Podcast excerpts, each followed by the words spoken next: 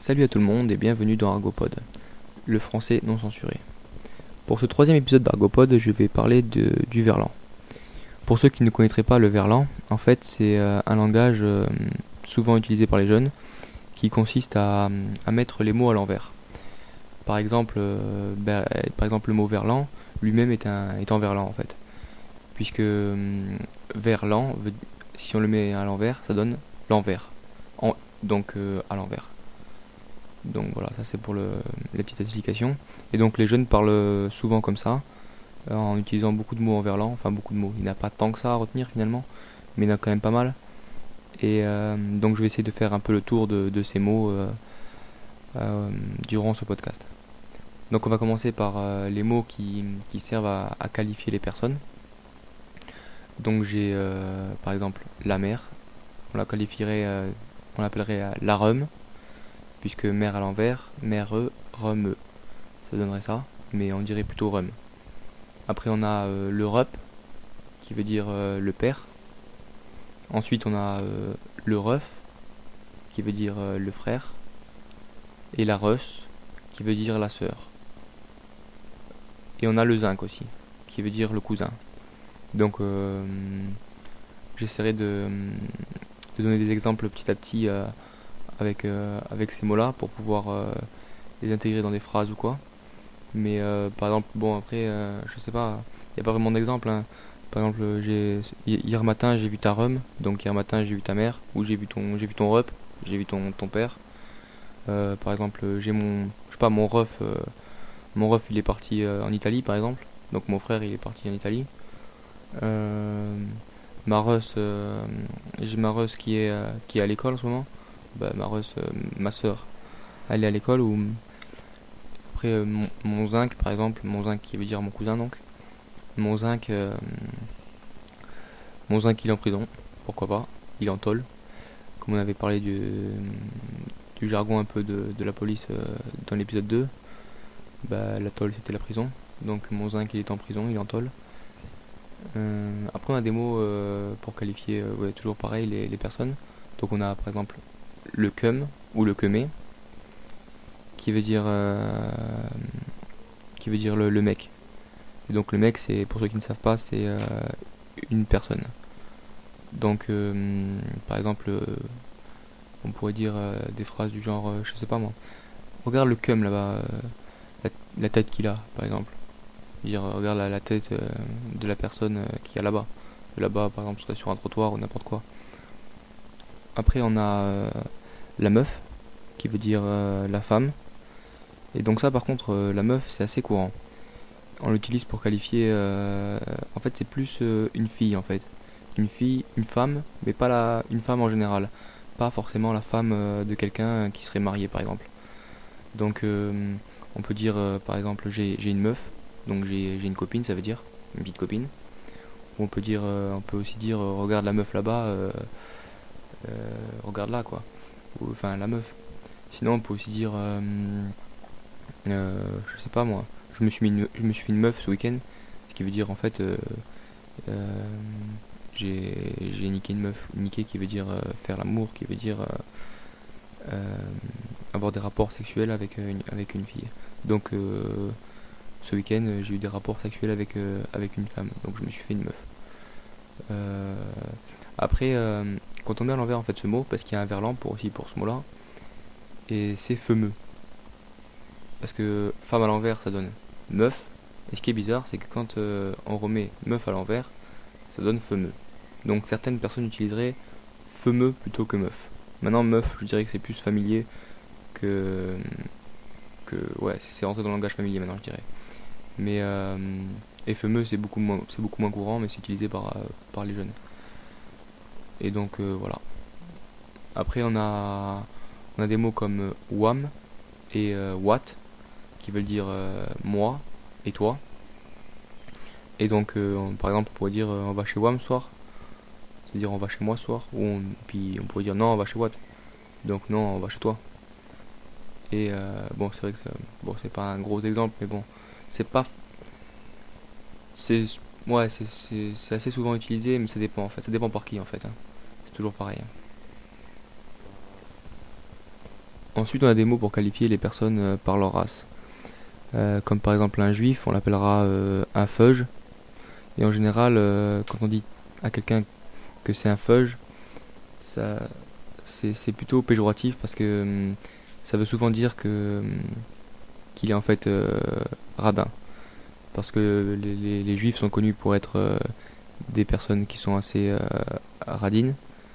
Et donc, euh, de ce fait, quand on dit à quelqu'un que c'est un, feuge, c'est en général c'est assez péjoratif.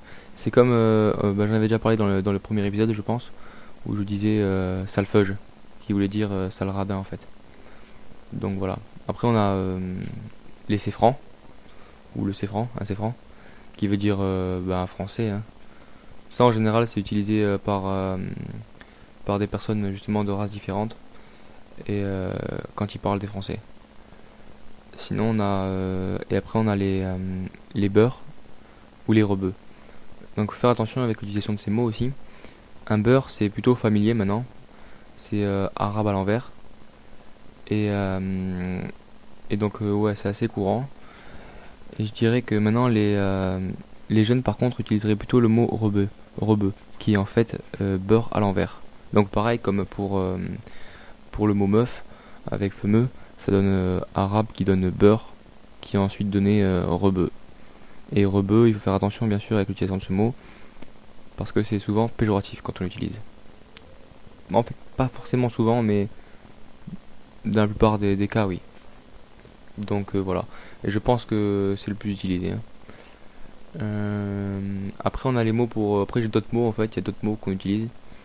Donc, euh, en dehors des personnages, pour qualifier les personnes, on a euh, le mot ripou, qui veut dire pourri. Donc, pour donner un exemple, souvent en fait, le mot ripou il va être utilisé pas pour quelque chose de pourri, comme un aliment ou quoi, mais plutôt pour, pour un flic en fait.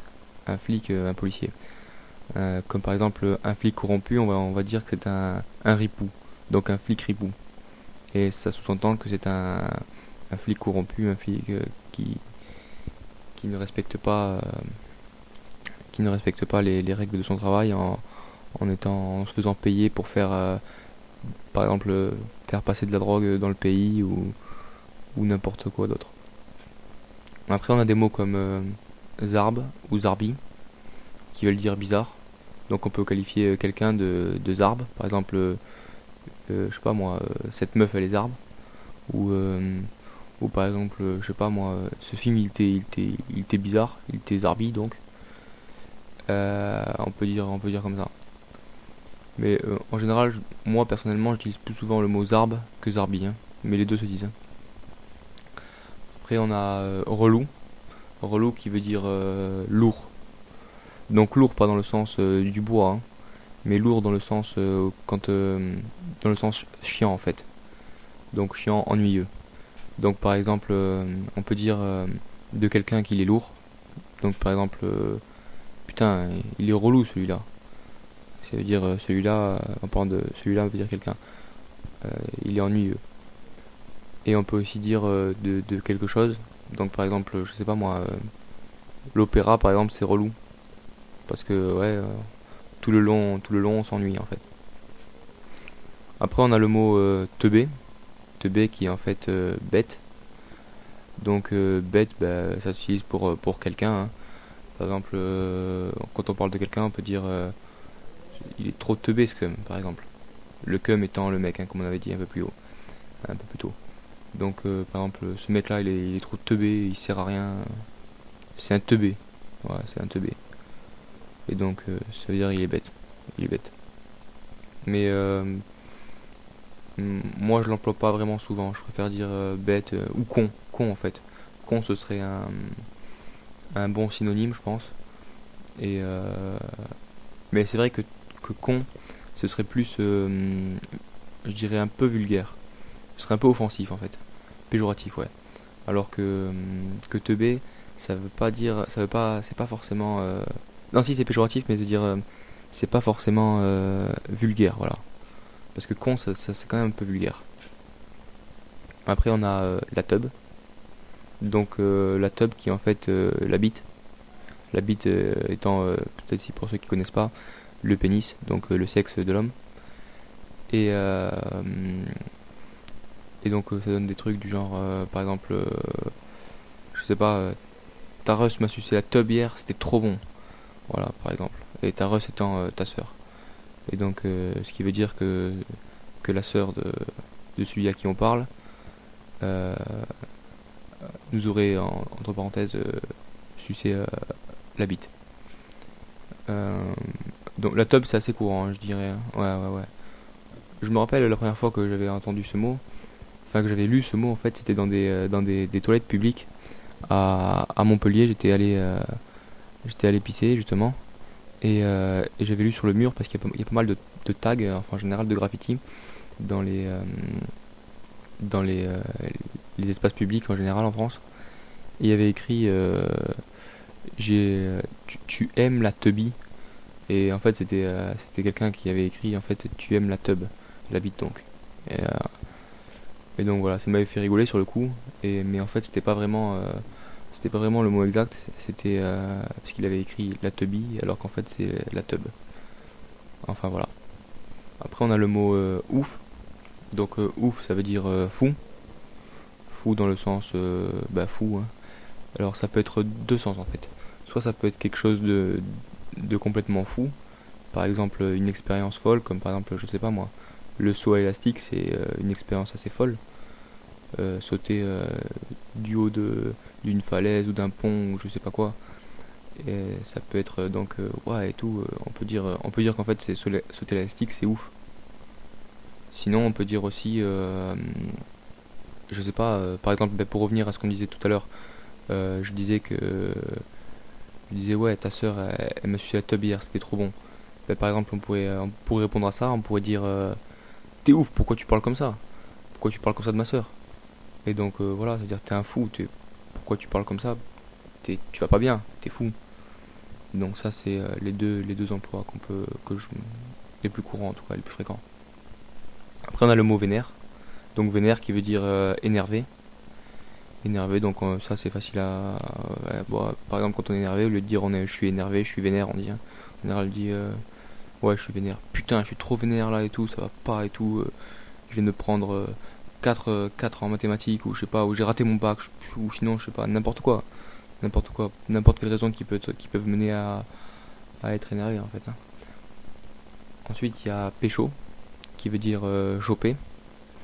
Donc en fait, il euh, y, a deux aussi, euh, je connais deux, deux sens euh, à, ce mot. Le premier, je dirais, c'est bien sûr se faire attraper. Donc, enfin, se faire attraper. Attraper ou se faire attraper. Et donc, par exemple, on dit que, les flics, donc la police, pécho, pécho quelqu'un. Donc, par exemple, je sais pas moi, mon, mon ref s'est fait pécho avec 10 kilos de coque hier, par exemple et donc euh, la coque étant la cocaïne. Hein. Donc euh, mon frère, euh, ce qui veut dire mon frère s'est fait attraper avec 10 kilos de, de, cocaïne, et donc entre s'il s'est fait attraper, ça veut dire il s'est fait, quand on dit, il s'est fait pécho, ça veut dire il s'est fait pécho en général par les flics. Donc ça c'est le premier sens. Et après on peut dire aussi pécho pour pour la drogue. Par exemple, si on cherche si on cherche de la drogue, euh, et qu'on en trouve finalement. Par exemple, je sais pas, moi je cherche, euh, par exemple, imaginons je chercherais euh, de la coque par exemple. Ben on dit j'ai réussi à, à pécho de la coque, j'ai réussi à pécho de la coque par exemple pour ce soir. Donc ça veut dire j'ai réussi à j'ai réussi à trouver de la cocaïne. Et la question à ça ce serait t'as réussi à pécho? C'est-à-dire est-ce que t'as réussi à trouver en fait? Est-ce que t'as réussi à trouver quelque chose de la drogue en général hein? C'est toujours de la drogue. Hein. Et donc voilà. Après, ça peut vouloir dire aussi euh, bah, pécho dans tous les sens du terme, après euh, choper quoi. Mais bon, le plus souvent, c'est ces sens-là.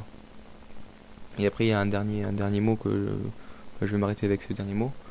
Je continuerai euh, je pense, je ferai un autre épisode pour faire, pour faire la suite de, pour, pour lister encore d'autres mots parce que je pense qu'il y a encore quand même, ouais, pas mal de mots qui sont importants. Donc je continuerai plus tard. Mais j'ai un dernier mot quand même avant, avant de d'arrêter. Euh, laisse béton. Donc euh, béton qui veut dire tomber, donc laisse tomber. Donc par exemple, euh, quand il y a quand il y a une histoire avec quelqu'un, par exemple, imaginons imaginons il y a, y, a, il y a deux personnes qui, qui qui s'engueulent, qui s'embrouillent et euh, euh, elles, vont se battre. On pourrait très bien dire euh, et moi je suis par exemple avec quelqu'un qui, qui veut donc qui a envie de se battre avec une autre personne dans la rue par exemple et je pourrais très bien lui dire vas-y vas-y laisse béton, t'en bats les couilles. Donc vas-y laisse tomber, tu t'en fous quoi. Tu t'en fous, laisse passer et on s'en va. Et donc ça c'est c'est l'usage le plus fréquent de laisse béton. Donc laisse béton. Donc euh, pour revenir sur les mots que j'ai dit, il y, a eu, la rum, qui voulait dire la mère, le rup, le père, euh, le ref, le frère, la russ, qui veut dire la sœur, le zinc, le cousin, un cum, un cumé, donc euh, un mec, une meuf, qui veut dire une femme, une femeux, donc c'est pareil, c'est une femme, mais c'est une meuf à l'envers en fait, donc c'est le verlan de, de meuf. Après wam, what, qui veut dire donc moi et toi. Après un feuge, donc un juif, un séfran, un français, un beurre, un arabe, et un rebeu qui est l'inverse euh, de beurre, donc euh, un arabe toujours. Après on a euh, un ripou, donc qui veut dire pourri, et on parle souvent d'un flic. Après on a zarb et zarbi, qui veut dire bizarre. Après on a relou, qui veut dire lourd, donc ennuyeux. Après on a la tub, qui veut dire euh, la bite, donc euh, le sexe de l'homme. Ensuite, on a euh, le mot ouf, qui veut dire fou. Après, on a vénère, qui veut dire énervé. Ensuite, pécho, qui veut dire choper. Et enfin, laisse béton, qui veut dire laisse tomber. Donc voilà, je m'arrête ici pour cet épisode. Je continuerai euh, je continuerai avec d'autres mots euh, dans le dans l'épisode 4 en fait. Pour ceux qui souhaiteraient euh, m'écrire pour me donner des, des, idées ou, ou même si vous avez des questions ou n'importe quoi, mon adresse email c'est argopod at gmail.com donc a r g o t p o d g m a i l.com